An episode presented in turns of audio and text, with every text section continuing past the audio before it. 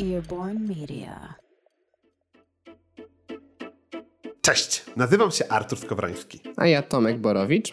Chcielibyśmy zaprosić Was na odcinek podcastu Rutkos by Vive Digest. Spotykamy się tutaj w co drugi poniedziałek, aby dyskutować o wszystkim, co wydarzyło się w ostatnich tygodniach w świecie IT. Każdorazowo wychodzimy poza oczywiste, nadając pojawiającym się nagłówkom znacznie szerszy kontekst. Zatem bez zbędnego przyciągania zapraszamy do odcinka. Dobra, to skoro ostatni odcinek, pierwszy nasz pilotażowy, zakończyliśmy relacją z konferencji Google'a, to akurat jako, że mamy sezon konferencyjny, chciałbym opowiedzieć troszkę o konferencji Microsoft Build, która wydarzyła się w zeszłym tygodniu. Tomku, czy masz jakieś wyrażenia z tego, co pokazał Microsoft?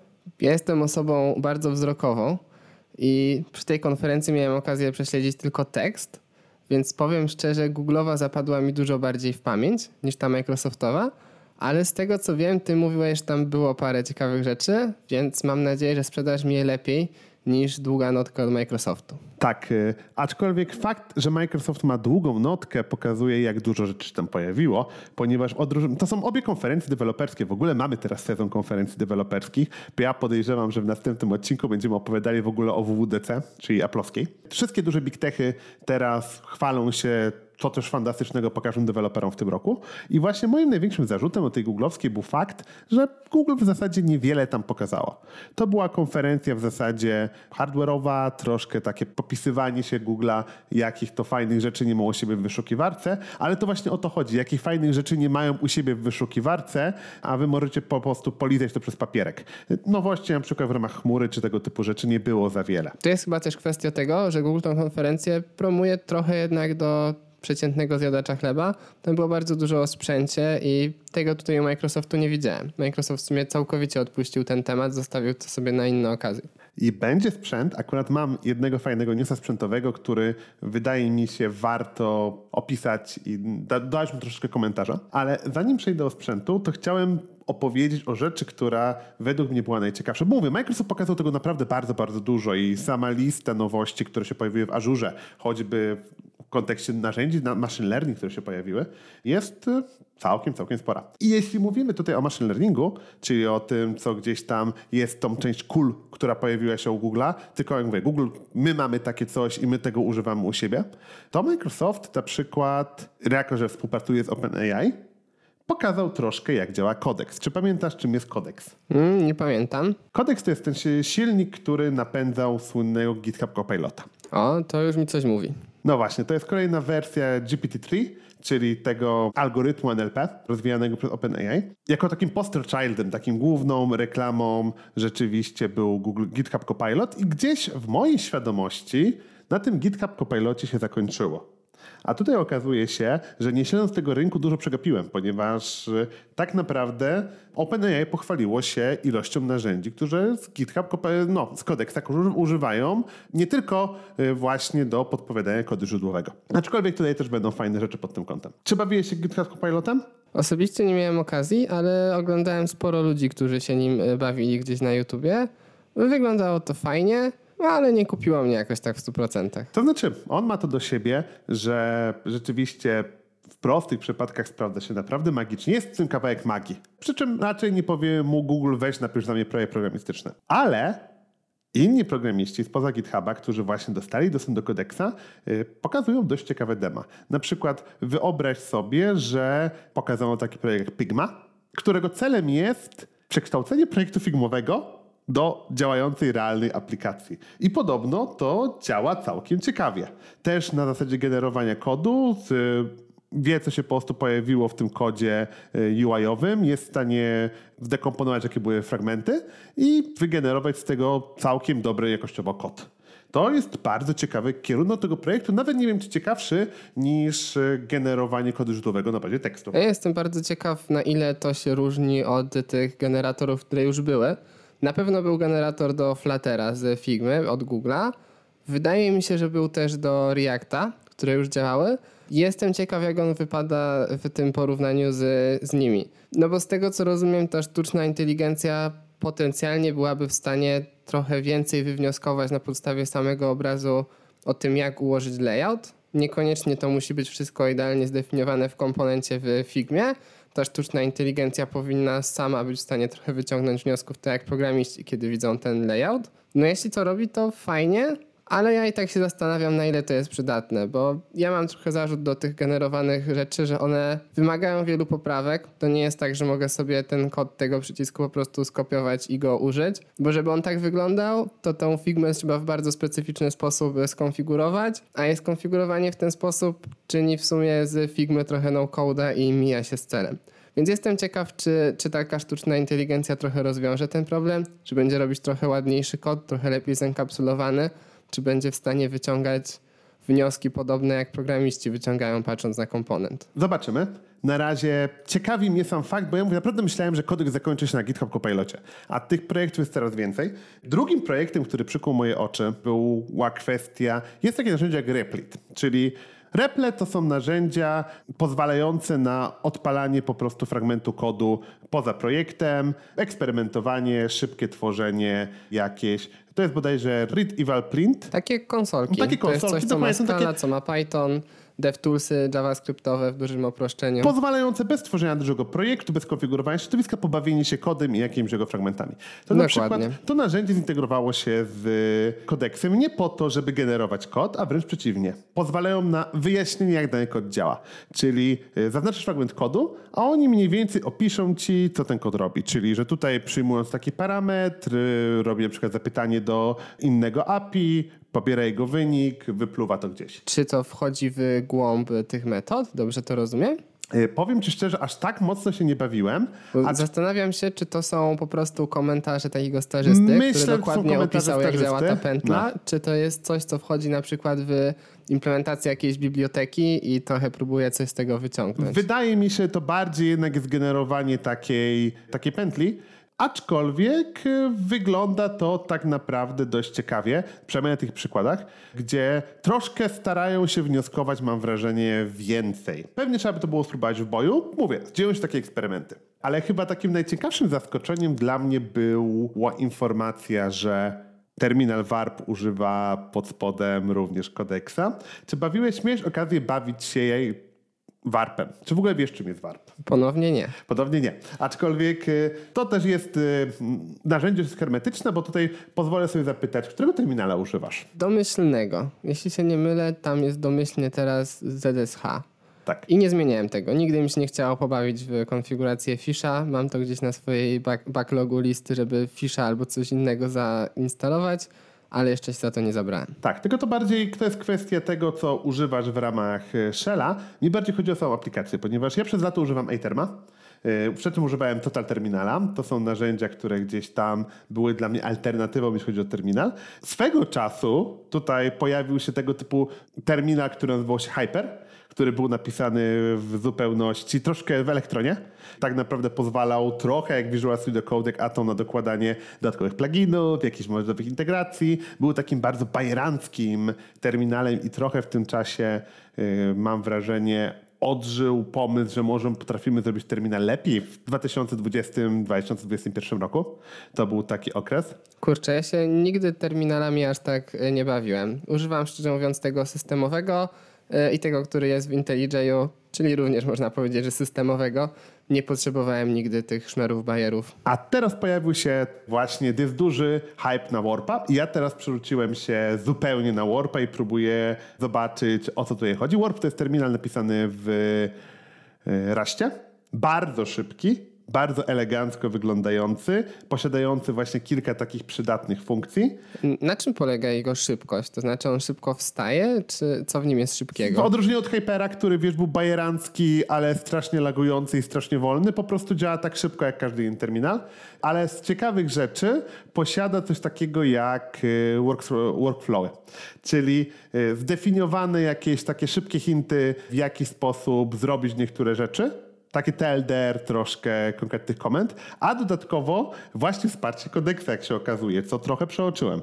Czyli możesz podać y, własnoręcznie, co chcesz osiągnąć, na przykład chcesz konwertować ten plik z tego na tego, a on ci wygeneruje, jaką komendę powinieneś użyć. O, to, to brzmi fajnie. Pytanie, jak to jest wygodne w użyciu? Próbowałeś już to jakoś sprawdzać? Tak, używałem wczoraj i to jest dosyć wygodne. Wprawdzie ja terminala używam raczej do powtarzalnych rzeczy, czyli kiedy chcę zrobić w terminalu, to ja trochę wiem, co chcę zrobić, trochę już wcześniej wyeksperymentowałem, ale na przykład legendarne unzipowanie programu rozwiązał perfekcyjnie. Okej, okay, czy, czy on byłby w stanie też sobie poradzić z jakimiś bardziej skomplikowanymi rzeczami w stylu chcę w pliku zamienić takie wyrażenie na takie wyrażenie. Czy on ogarnia coś takiego?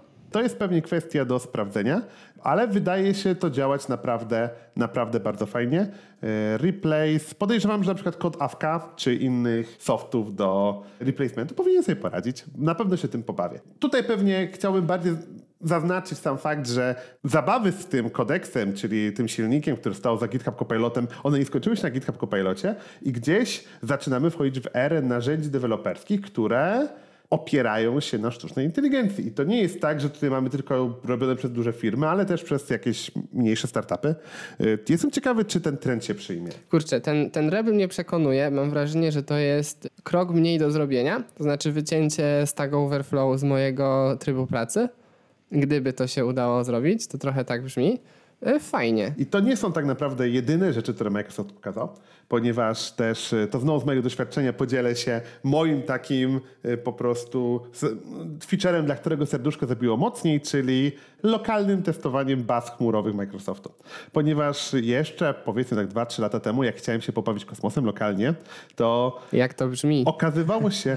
Tak, Cosmos DB. To jest, dla tych, którzy nie wiedzą, Cosmos DB to jest chmurowa baza Microsoftu, ona jest multiparadygmatowa, ona jest y, y, tak naprawdę skalowalna w dowolny sposób. Chciałem lokalnie przetestować, zobaczyć jak to działa. Okazywało się, że to nie było takie proste, ponieważ Microsoft udostępniał dockerowe obrazy, które potencjalnie można było odpalić u siebie, ale co ciekawe, to był pierwszy przypadek w życiu, kiedy widziałem, że dockerowy obraz można było odpalić tylko na Windowsie. Yy, okazywało się, że one były zrobione w taki sposób, że nie dało się go odpalić na Linuxie, tylko na Windowsie. Tylko hypervisor Microsoftowy, yy, Windowsowy potrafił to odpalić. No to nie fajnie. Jak, jak sobie z tym poradzi? To znaczy teraz można to odpalać natywnie, czy dostarczyli Dockery? Dostarczyli symulator, w ramach którego odpalać te kontenery i pozwala na przetestowanie zapytań do chmury na lokalnym systemie. Y, jest coś takiego jak y, coś po prostu. W... Czekaj, jaki to jest sposób wirtualizacji? Bo próbuję sobie trochę ułożyć w głowie. On pod spodem odpala tą bazę danych, tylko wirtualizuje te rzeczy, których on ona potrzebuje. Czy to jest bardziej taki mock bazy danych? To jest bardziej zrobiony? chyba mock bazy danych. Y, po prostu uruchomienie bazy w takim środowisku, jak ona jest odpalana na Azure mhm. ale w tak, że dla programisty jest to po prostu przezroczyste i mówią, że w ten sposób chcą udostępniać wszystkie narzędzia deweloperskie są w chmurze, żeby można je było odpalić na lokalnej maszynie. Y, to jest krok w ciekawym kierunku, bo jednak lokalne testowanie rzeczy znajdujących się w chmurze zawsze było problematyczne. Dzisiaj po prostu bardzo często tworzy się po prostu narzędzia, środowiska deweloperskie y, per deweloper w chmurze, y, dzięki czemu można troszkę eksperymentować. Zawsze jest to jednak jakiś dodatkowy narzut. Fajnie mieć to lokalnie. No tak, to był jeden z tych trendów oni też go mocno pchali tym y, VS Code'em zdalnym, żeby przejść z, y, do środowisk chmurowych. Ta droga, mieliśmy środowiska lokalne, teraz mamy środowiska dockerowe. No i w ich y, roadmapie, w ich wizji przyszłości, no kolejnym krokiem są środowiska chmurowe całkowicie ale fajnie, że nie zapominają o tym, żeby to dać lokalnie. Jak najbardziej na plus. Już same te dwie rzeczy dla mnie są dużo większą nowością niż to, co pokazał Google, ponieważ tam, jak mówię, tam było większość takich bardziej napinają mózgów. I jeszcze trzecia ciekawa rzecz, ale tutaj obiecałem hardware. I ta trzecia rzecz dotyczy właśnie hardware'u, ponieważ e, tak jak Apple ma swoje M1, czyli laptopy e, stworzone, no de facto pro są w dzisiejszych czasach bardzo mocno opasowane do deweloperów. Gdzieś te deweloperskie korzenie zostały trochę zagubione, oni próbują teraz do tego wrócić, pozbyli się touchbara, y, gdzieś ten soft deweloperski też bardzo szybko przyjął M1, więc one, one rzeczywiście są dostępne. Microsoft postanowił wypuścić własny laptop przeznaczony dla deweloperów, i to deweloperów machine learning, oparty o procesory ARM a dokładnie procesory stworzone przez Qualcomma, które określa jako tak zwane NPU, czyli wbudowane procesory neuronowe, przystosowane specjalnie do obliczeń w oparciu o sieci neuronowe. I to jest laptop, który ma być dostępny właśnie dla deweloperów pod nazwą Projekt Volterra. I to jest y, zapowiedź hardware'owa i ona jest bardzo ciekawa. Dla mnie ona ma, jest takim naturalnym ciągiem tego, co robią wszyscy twórcy, ponieważ gdzieś tam procesory ogólnego użytku, one coraz mniej mniej są popularne w chmurach, właśnie, zwłaszcza w tych takich AI-owych zastosowaniach, ponieważ y, Google ma swoje TensorFlow, tensorowe jednostki, Amazon ma swoje jednostki, nie pamiętam jak się nazywały, ale też y, bezpośrednio właśnie do uczenia maszynowego, wyspecjalizowane. Microsoft też ma swoje, tylko one zwykle nie były dostępne dla szarego dewelopera. One nie były w tych maszynkach deweloperskich. Y, Volterra jest chyba pierwszym laptopem przeznaczonym dla deweloperów, dostępnym po prostu na wolnym rynku, który posiada te takie własnościowe procesory. Ja się tu zastanawiam, bo może trochę mylę pojęcia, ale w M1 oni sprzedawali w tej wersji Pro też część wątków jako specjalnie przystosowane do odpalania machine learningu. Jak rozumiem, tu jest trochę podobnie. To jest bardzo podobnie pod tym kątem. Zastanawiam się, na ile to może doprowadzić do fragmentaryzacji rynku. To znaczy, no jednak tą ilość bibliotek mamy ograniczoną. I jak to będzie wyglądało? To znaczy, czy TensorFlow będzie wspierał wszystkie? Czy TensorFlow wybierze sobie tylko część, na których możemy odpalać? Czy za chwilę dojdziemy do sytuacji, w której będziemy się musieli skomitować do danego stosu technologicznego w zależności od tego, których laptopów używamy i, i zmiana stosu technologicznego będzie wymagała zmiany hardware'u, ponieważ inaczej nie będziemy w stanie pracować. Tak, i to jest trochę moja obawa też. Bardzo dobrze to podkreślasz, bo też się tego trochę boję, ponieważ dla mnie to jest taki trochę, to jest, to jest taki prawdziwy vendor lock-in, ponieważ yy, akurat tutaj jest kwestia, że te procesory zostały nie stworzone przez Microsoft, ale przez Qualcomm, także potencjalnie mogą być dostępne w innych maszynkach, ale w dalszym ciągu to są specjalne procesory.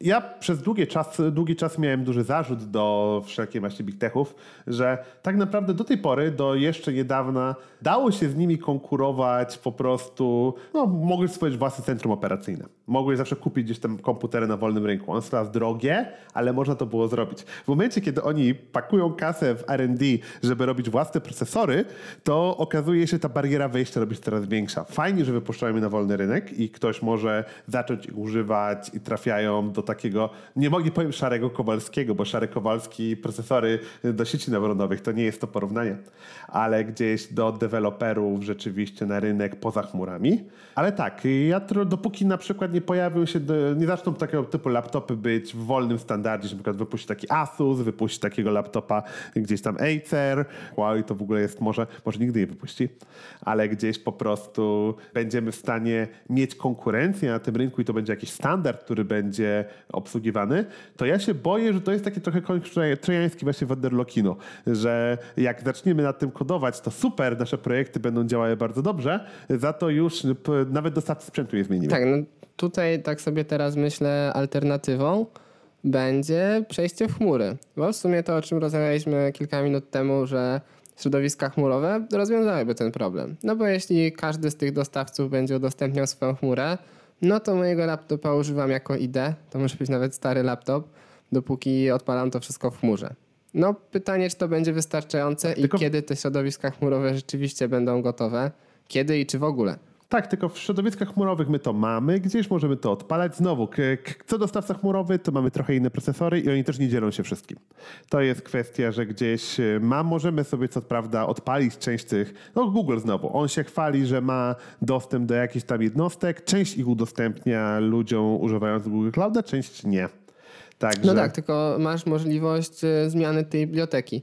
Ja to trochę widzę tak, że prawda, na jakimś projekcie się vendor lokujemy, ale na kolejnym możemy to zmienić, nie? W przypadku, jeśli odpalamy to lokalnie, no to chcemy zmienić w kolejnym projekcie, zarequestuj dla całego zespołu, dla 5-10 deweloperów nowe laptopy, bo chcą użyć nowej biblioteki. No nie uda się. Nie uda się. Także zobaczymy, w którym kierunku to pójdzie. Sam projekt jest interesujący, bo mówię, poza M1, które gdzieś rzeczywiście też mają działać bardzo dobrze pod e, zastosowania machine learningowe, jest to chyba pierwszy sprzęt, który tak mocno jest e, promowany jako narzędzie specjalnie w tym celu. No, zobaczymy, będziemy obserwować. Wydaje mi się, tak jak mówię, dlatego y, pozwolę sobie bronić, że tak naprawdę wydaje mi się, że ostatni Microsoft Build był ciekawą konferencją, znacznie ciekawszą niż to, że Google pokazało y, kiepskiej jakości zegarek, bo ja będę się kłócił, że ten zegarek nie zrobił na mnie żadnego wrażenia. Także, także moje deweloperskie serce było ukontentowane. Y, czy tobie coś się rzuciło w oczy? E, z perspektywy frontendowca od razu przewinąłem tę długą notatkę prawie do końca. Tam były dwie rzeczy, które mi się rzuciły. E, nowości dotyczące samego Edge'a, czyli przeglądarki od Microsoftu. I w sumie okazało się, że to ponownie nic ciekawego. Microsoft tuż, tuż zabija Internet Explorera. To jest informacja, no już wtórna, o tym wiemy już od dawna. To się wydarzy w połowie czerwca, zostanie zabite. I to też nie jest tak, że on zostaje zabity całkowicie i na zawsze, ponieważ w tych serwerowych wersjach Microsoftu on będzie wspierany jeszcze do końca lat y, tych dwudziestych, więc jeszcze chwilę. Czyli dalej nie całkiem umrę, tak? Tak, aczkolwiek no, większość już frontendowych y, bibliotek zaczyna się z niego wycofywać. Myślę, że rynek powoli dojrzewa do tego, żeby się go pozbyć i wszyscy rozumieją, że, że to już jest przeszłość. Co ciekawe, Edge dostarcza y, kompatybilność wsteczną. Taką cudzysłowiową kompatybilność wsteczną. Oni napisali swój sandbox taki, który pozwala uruchamiać te stare aplikacje w Edge'u. Brzmi to ciekawie. Chciałem sprawdzić, czy jest to również na macOSie. Nie ma? I w sumie to rozumiem, no bo Internet Explorer nigdy nie był wspierany na macOSie, więc y, po co? Z drugich takich rzeczy też myślę, że to niczym nie wstrząsa. Stworzyli swój, y, swojego elektrona, czyli WebView 2 można do swojej aplikacji w dotnecie zapakować webową aplikację. Trafiło to do kilku nowych miejsc. Mech, nic ciekawego. Czy Visual Studio Code nie jest oparty właśnie o WebView 2? Coś mi się obiło uszy, że to jest... Y, dlatego on jest taki szybki właśnie, że Microsoft zrobił tam trochę czarnej magii. Yy, bardzo możliwe. Znaczy, ja nie do końca wiem, jak bardzo to się różni, bo WebView 2 to jest pod spodem Edge, czyli to jest pod spodem tak naprawdę Chrome więc to nie powinno się aż tak różnić. No bo Electron to też pod spodem jest V8, czyli też to jest pod spodem trochę Chrome. Z nowości frontendowych y, była jeszcze jedna rzecz. Pojawił się nowy toolkit do budowania cross-platformowych y, aplikacji. On nazywa się .NET. Teraz nie wiem, jak ten skrót się rozwija, nie doszukałem tego. MAUI. On ma zastąpić docelowo Xamarina, który, jak dobrze zrozumiałem, trochę dogorywa już. Czym ma być lepszy? Bo Xamarin nigdy nie zdobył dużej popularności, bo też tak naprawdę .NET, poza takim świadkiem typowo Microsoftowym chyba, jestem ciekawy w jaki sposób chcą zawalczyć tym MUI. Ja przyznam szczerze, że przeczytałem te ich notatki i nic tam mi się nie wybiło ponad to, co mają już inni. To ma być lepszy developer experience, trochę czystsze API, ma być od początku przystosowane do bycia 100% cross-platformowe, to znaczy obejmować też desktopy, bo z Xamarinem tam gdzieś były z tym problemy trochę. Ale jakby mnie kompletnie nie kupili tymi swoimi argumentami. Dla mnie to jest taki trochę branding. Ja w ogóle jestem trochę zdziwiony tym, co się dzieje na rynku, bo ja mam wrażenie, że co firma to jest niesamowite pchanie swojego frameworka w tą cross-platformowość i pchanie w te desktopy też ja nie widzę tylu aplikacji desktopowych, żeby to miało sens, dlatego mnie to zawsze dziwi, że Flutter tak bardzo cieszy się tą cross-platformowością, że twórcy Kotlina mają swój cross-platformowy język, że teraz Microsoft dalej walczy o stworzenie cross-platformowego frameworka. Ja trochę tego nie kupuję. Aczkolwiek, a propos, jak wspomniałeś o Kotlinie, tak, jest tego strasznie dużo. Twórcy Kotlina opóźnili premierę swojego multiplatforma, y, Kotlin Multiplatform dla urządzeń mobilnych, ponieważ jest on bardzo mocno połączony z release'ami Kotlin Native, a że opóźnił, mają trochę zaburzenia. Ciekawe z jakiego powodu mogą być zaburzenia w JetBrainsach w związku z produkcją natywnego zarządzania pamięcią w Kotlin Native. To Kotlin Multiplatform Mobile też został przesunięty i prawdopodobnie nie zobaczymy go w tym roku. Przynajmniej taki komunikat pojawił się, pojawił się w ramach zapowiedzi. Nowy silnik, ten y, zarządzania pamięcią ma być jesienią, więc pewnie będziemy musieli troszkę jeszcze poczekać. No więc konkurencja jest dosyć spora, tu się zgadzam. Mamy na pewno podaż. Ja trochę powątpiewam w to, czy jest popyt, ale no jakby na konkurencji jeszcze nikt nigdy nie przegrał to, co odróżnia tą konkurencję, to, co odróżnia teraz .NET Multiplatform API od tej konkurencji, która już jest na rynku, to wsparcie dla Tizena. Nie kojarzę, żeby któraś z tych promowanych technologii wspierała Tizena. Ciekawe. Ja nie mam pojęcia, czy poza telewizorami to Tizen jeszcze żyje. Widocznie tak. Także trzymamy kciuki. Na pewno masa deweloperów Tizena, zwłaszcza tych w Polsce, bardzo się cieszy, bo nie wątpię, że jacyś są w Korei. Tak, pozdrawiamy naszych słuchaczy tworzących aplikacje na Tizena. Ja dzisiaj mam taki temat trochę bardziej ploteczkowy, ale bardzo intrygujący. Na pewno nagłówki, które się pojawiły w internecie, były bardzo chwytliwe. Otóż okazuje się, że być może WebKit straci swój monopol na silniki przeglądarek na iOSie. I jest to związane z tym, że wyciekły dokumenty dotyczące Europe's Digital Markets Act, w których rzekomo niektóre punkty rozszerzone zostały w taki sposób, aby zmusić właśnie Apple do wpuszczenia tam innych silników, takich jak ten silnik Mozilla czy silnik od Google'a. I może zacznijmy sobie rozmawianie o tym od y, małej dygresji, czym w ogóle jest y, European Digital Marketing Act. Tak, jeszcze trzy razy to powtórzymy, to będzie szło płynniej. Tak, będzie szło płynniej. W skrócie y, DMA. Jest to ustawa, nad którą Unia Europejska pracuje już od y, dłuższego czasu, bodajże od roku 2020, która ma trochę zwalczać y, monopol wielkich, gigantycznych korporacji technologicznych w Europie. Jeśli słyszeliście takie przecieki, jak na przykład to, że do iPhone'ów trafi złącze USB-C, albo że do wszystkich dystrybucji Androida ma trafić możliwość odinstalowywania tych śmieciowych aplikacji, które tam się znajdują, no to to są wszystko właśnie jakby wyniki tej ustawy, która ma wejść w życie. Ona jeszcze nie weszła. Ustawa została już co prawda opublikowana. Jej treść jest publiczna od e, kilku miesięcy, ale podobno mają trafić do niej jeszcze jakieś drobne poprawki. Drobne poprawki. Tak. To nie zostało jeszcze potwierdzone, aczkolwiek ta, ten news już gdzieś lata w sieci od kilku tygodni. Więc ja czekam, czy to wejdzie w życie. No i dlaczego to jest w ogóle ciekawe?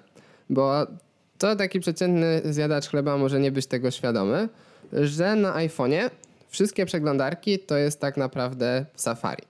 Nawet jeśli pobierzemy sobie Chroma, Firefoxa, Brave'a, cokolwiek, to one pod spodem są zmuszone do wykorzystywania silnika, który dostarcza Apple, czyli WebKita. Apple to, jak to Apple twierdzi, że to dlatego, że chcą jak najlepszych doświadczeń dla użytkownika, chcą, żeby to było wszystko natywnie, że oni są w stanie ten silnik przygotować najlepiej, dlatego o to nam chodzi, też chodzi o bezpieczeństwo, jesteśmy w stanie o to zadbać, dlatego wymuszamy na tych dostarczycielach przeglądarek nasz silnik. To jest dla Was, drodzy klienci. No natomiast narracja od tych twórców zewnętrznych przeglądarek jest trochę taka, że no Apple sobie zamyka drogę do niektórych feature'ów, ponieważ jeśli y, V8 pojawi się na, czy nie sam V8, sam Chrome ze swoim API pojawi się na Safari, to na przykład nic nie będzie stało już na przeszkodzie, żeby push notyfikacje pojawiły się na iOSie. I ja sobie trochę zdaję sprawę z tego, że to nie jest tak, że zmienią się silniki w przeglądarkach i wszyscy od razu się przesiądą na Chroma, w związku z czym nasze problemy z tym, że nie możemy tworzyć PWA, bo nie mamy notyfikacji się rozwiążą. To będzie bardziej długotrwały proces, ale samo to, że to już będzie możliwe, może trochę pchnąć tą konkurencję do przodu. Może też pchnąć to, że rzeczywiście w długim okresie, jeśli do tego Chroma i Firefoxa będą szybciej trafiać funkcjonalności, strony będą rzeczywiście działać lepiej, to może ci ludzie zaczną trochę odpływać w stronę Chroma i Firefoxa i może te nowe feature'y będą szybciej się pojawiać. No bo nie od dzisiaj wiadomo, to jest słynny memy frontendowy, że Safari to jest nowy Internet Explorer i jeśli coś nie działa albo coś się gdzieś gliczuje, to możemy w ciemno zgadywać, że jeśli to się dzieje na jednej przeglądarce, no to prawdopodobnie jest to Safari. Digital Service Market Act jest bardzo ciekawą ustawą i tam warunki w ogóle, które trzeba spełnić, żeby trafić pod nią są kosmiczne, bo tam one jest tak, to jest jak trochę jak polskie przetargi, że to musi być, że jak są przetargi w rządzie, był swego czasu ciekawy przetarg, to musi być laptop, który ma system macOS, który ma 16 GB RAMu i procesor Intel i tyle, tyle, ale to konkurencja jest na przykład dopuszczona. To trochę tak wygląda to Digital Service, Digital e, Service Market Act, ponieważ tam mówimy o firmach, firmach, które mają, nie chcę skłamać, więc tak trochę to, co mu jest w przybliżeniu, ale mówimy o firmach, które ma, zarabiają ileś tam miliardów rocznie, ileś tam miliardów na rynku europejskim, są tak zwanymi gatekeeperami, czyli mają konkretną ilość użytkowników. Łącznie łapią się tam z pięć korporacji amerykańskich się pod to łapie. To jest tak typowo stargetowana ustawa. No. Tak, ja się za zaczytywałem się właśnie w szczegóły, to z ciekawostek, na przykład Spotify się nie łapie w tą definicję, ponieważ ma tylko 30% rynku. To jest wciąż konkurencyjność na rynku serwisów muzycznych, w związku z czym ta ustawa ma nie dotyczyć Spotify'a na przykład. Tak, także to jest bardzo targetowana ustawa. Najciekawszą według mnie w WebKit, wiadomo, fajne, i takim najbardziej punktem spornym jest fakt, że Unia Europejska żąda od firm, które zajmują się na przykład algorytmicznym maczowaniem wyników wyszukiwania albo sprzedaży, upublicznieniem algorytmów. To jest do tego stopnia, że chcą, żeby wpuścić tam wewnętrznych audytorów, to jest po pierwsze, a po drugie, żeby ten kod wypuścić do sieci, żeby każdy mógł zobaczyć, w jaki sposób to działa.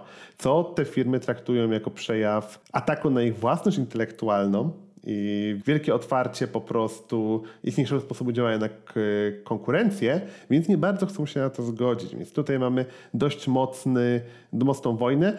Co ciekawe, to nie jest pierwsza tego typu ustawa, na przykład Australia też już robi tego typu zakusy właśnie między innymi na Amazona i Amazon się sądzi w tej chwili z Australią. Zobaczymy, jak to się skończy. No, mnie zaskoczyły te kwoty, które te firmy chyba nawet oficjalnie raportują na lobbying, który wydają w kwestii tej ustawy. Tam jak tutaj 2 miliony dolarów, ta, tam 8 milionów dolarów.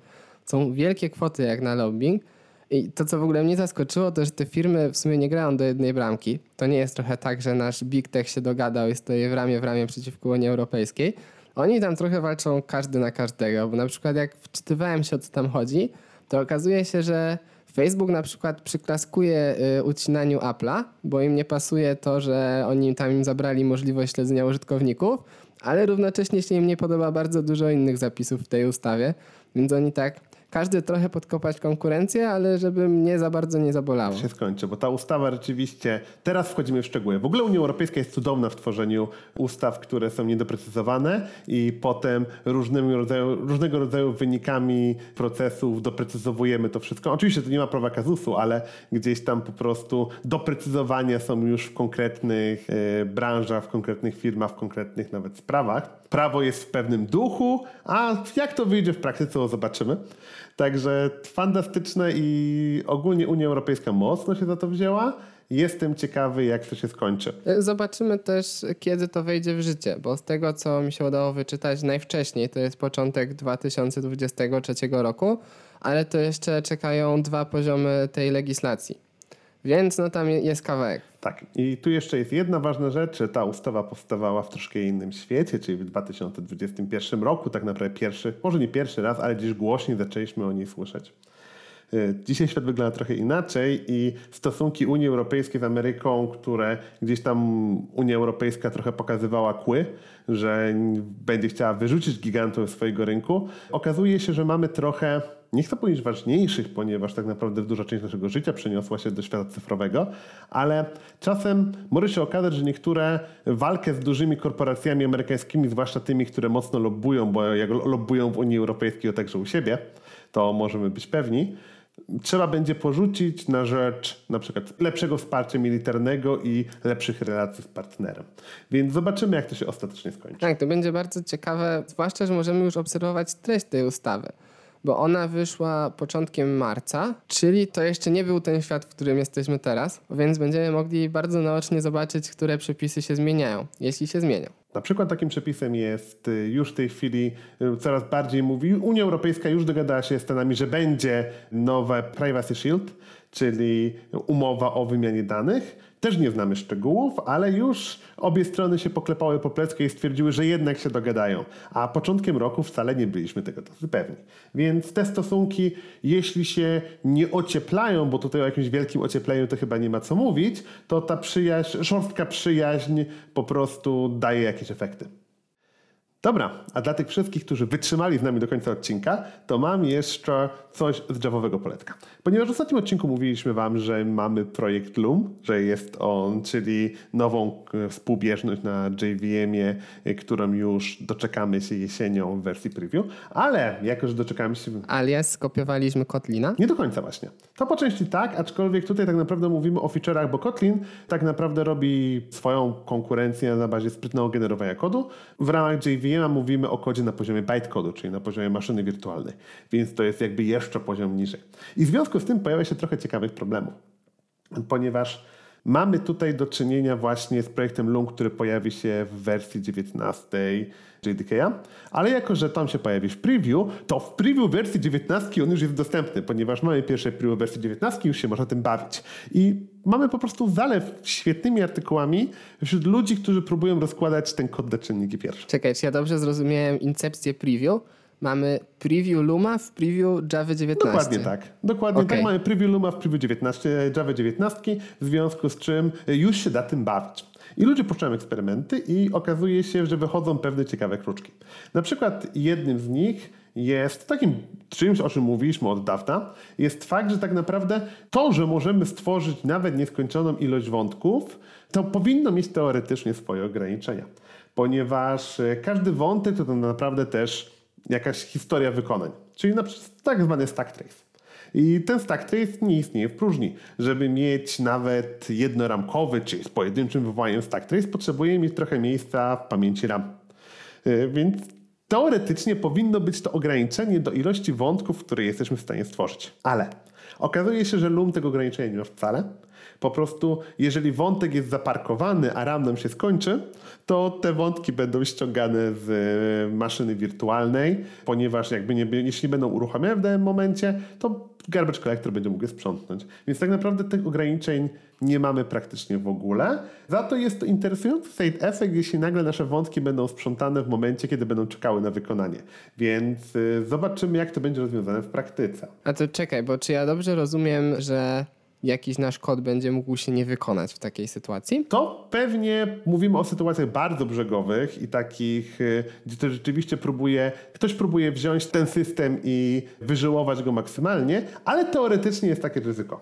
Okej, czyli, czyli rozumiem, że y, rozrysowując sobie linię czasu, mam zapytanie do bazy danych, to zapytanie gdzieś poszło i rozumiem, że w takiej brzegowej sytuacji może się okazać, że ono nie ma gdzie wrócić, ponieważ ten wątek został już zabity, który powinienem obsłużyć. Według wtedy eksperymentów, jeśli wątki są zaparkowane, wty, tak, tak się dzieje w tej chwili.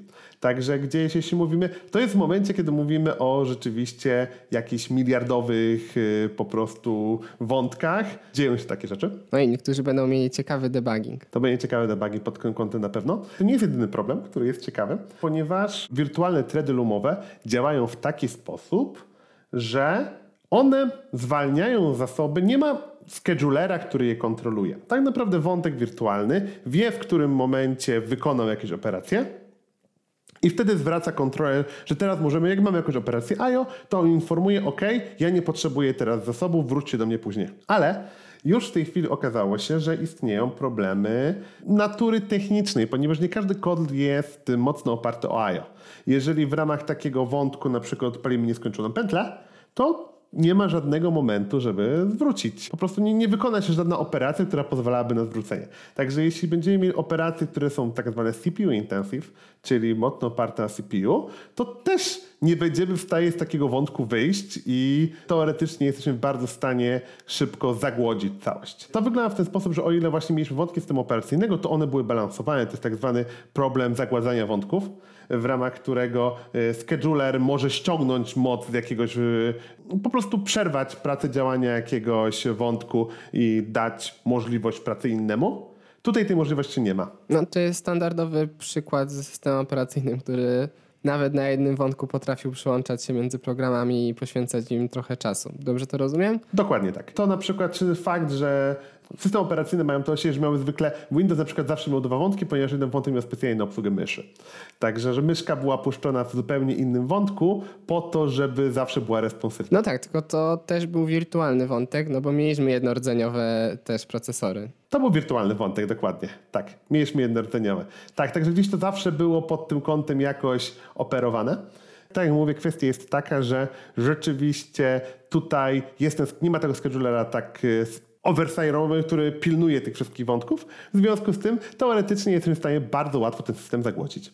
I y, twórcy twierdzą, że zdają sobie sprawę z tego, mają kod, który to naprawi, ale nie trafi do pierwszego preview. Dodatkowo też komentują, że raczej jest to sytuacja bardzo brzegowa, rzadko spotykana w praktyce, w związku z czym na razie chcą rozwiązać najbardziej podstawowe case. Z ciekawości, jaki jest pomysł na naprawienie tego, bo to brzmi dla mnie trochę jakby.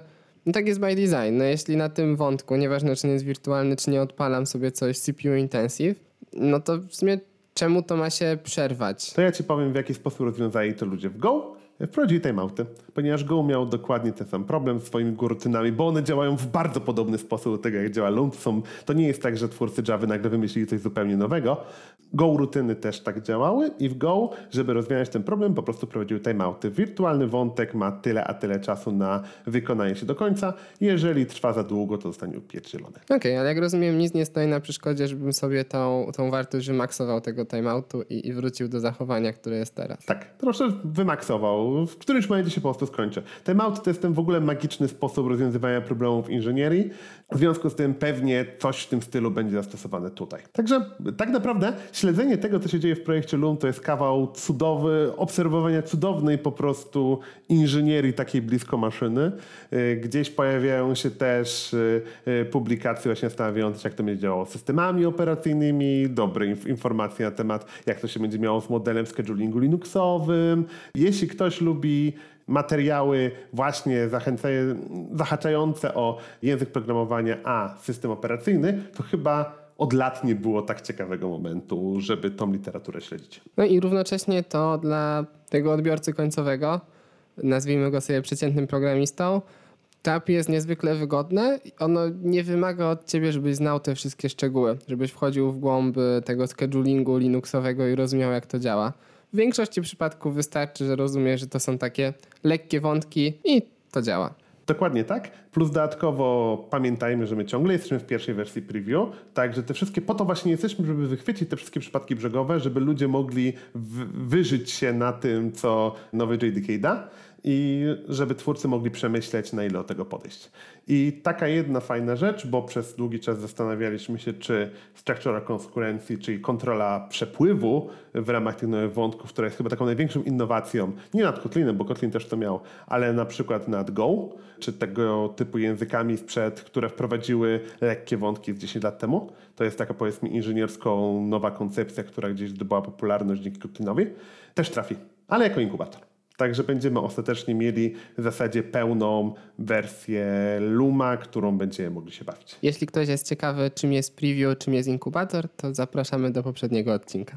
Dokładnie tak. A tymczasem obserwujmy, ponieważ e, ponieważ spodziewam się, że to dopiero początek i tego typu dyskusji i tego typu materiału będzie coraz więcej. W ogóle fascynujące jest to, że te dyskusje odbywają się na Twitterze.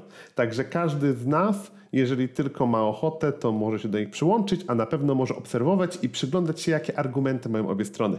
Nie są za zamkniętymi drzwiami.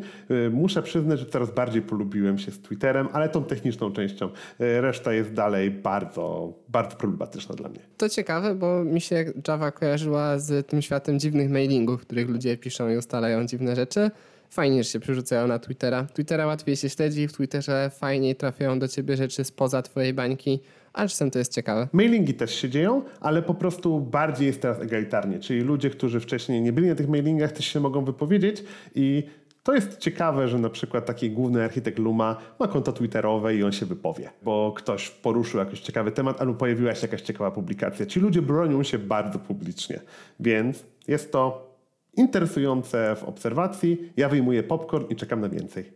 To co Tomku, to chyba tyle na dzisiaj i widzimy się za dwa tygodnie. Trzymajcie się i do usłyszenia. Do usłyszenia.